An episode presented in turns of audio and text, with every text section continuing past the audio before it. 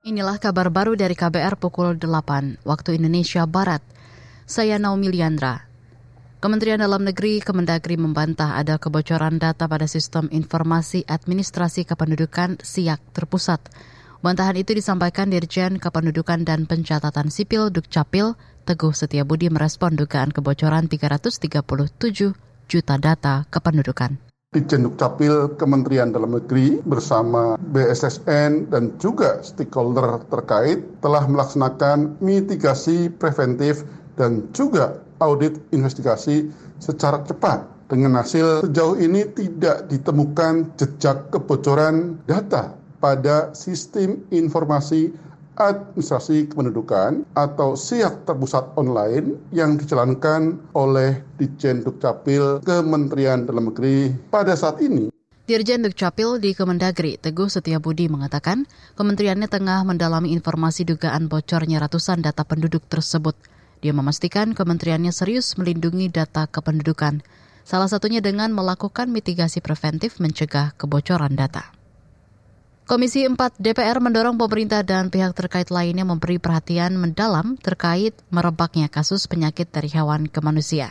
Anggota Komisi 4 DPR Johan Rosihan mengatakan deteksi dini penyakit hewan di Indonesia masih lemah. Ia menyebut penyakit mulut dan kuku PMK, rabies hingga antraks harus dapat diatasi sejak dini.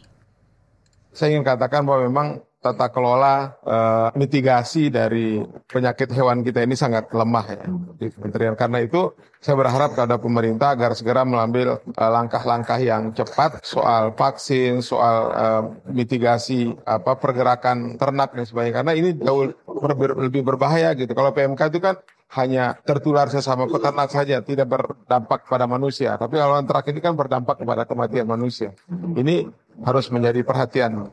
Anggota Komisi 4 DPR Johan Rosihan juga meminta masyarakat meningkatkan kewaspadaan dalam pemeliharaan hewan yang rawan terjangkit virus. Tim badminton Indonesia siap bertarung di Korea Open 2023 hari ini 18 Juli di Stadion Jinnam Yusu, Korea. Indonesia menargetkan juara meski beberapa pebulu tangkis unggulan absen.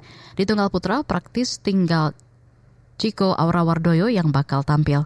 Sementara itu sebanyak tiga pasangan ganda putra Indonesia akan memulai perjuangannya di babak kualifikasi Korea Open 2023 hari ini. Leo, Rolly Karnando, Daniel Martin bakal jadi wakil Indonesia pertama yang akan tampil di Korea Open 2023. Ganda putra Indonesia ditantang pasangan Taiwan Lu Cheng Yao yang Pohan di match pertama. Muhammad Sohibul Fikri dan Bagas Maulana juga bakal bermain di match pertama. Mereka akan menghadapi ganda tuan rumah Jin Yong dan Na Sung Xiong.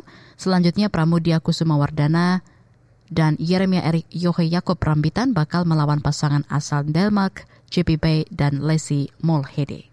Demikian kabar baru, saya Naomi Liandra undur diri.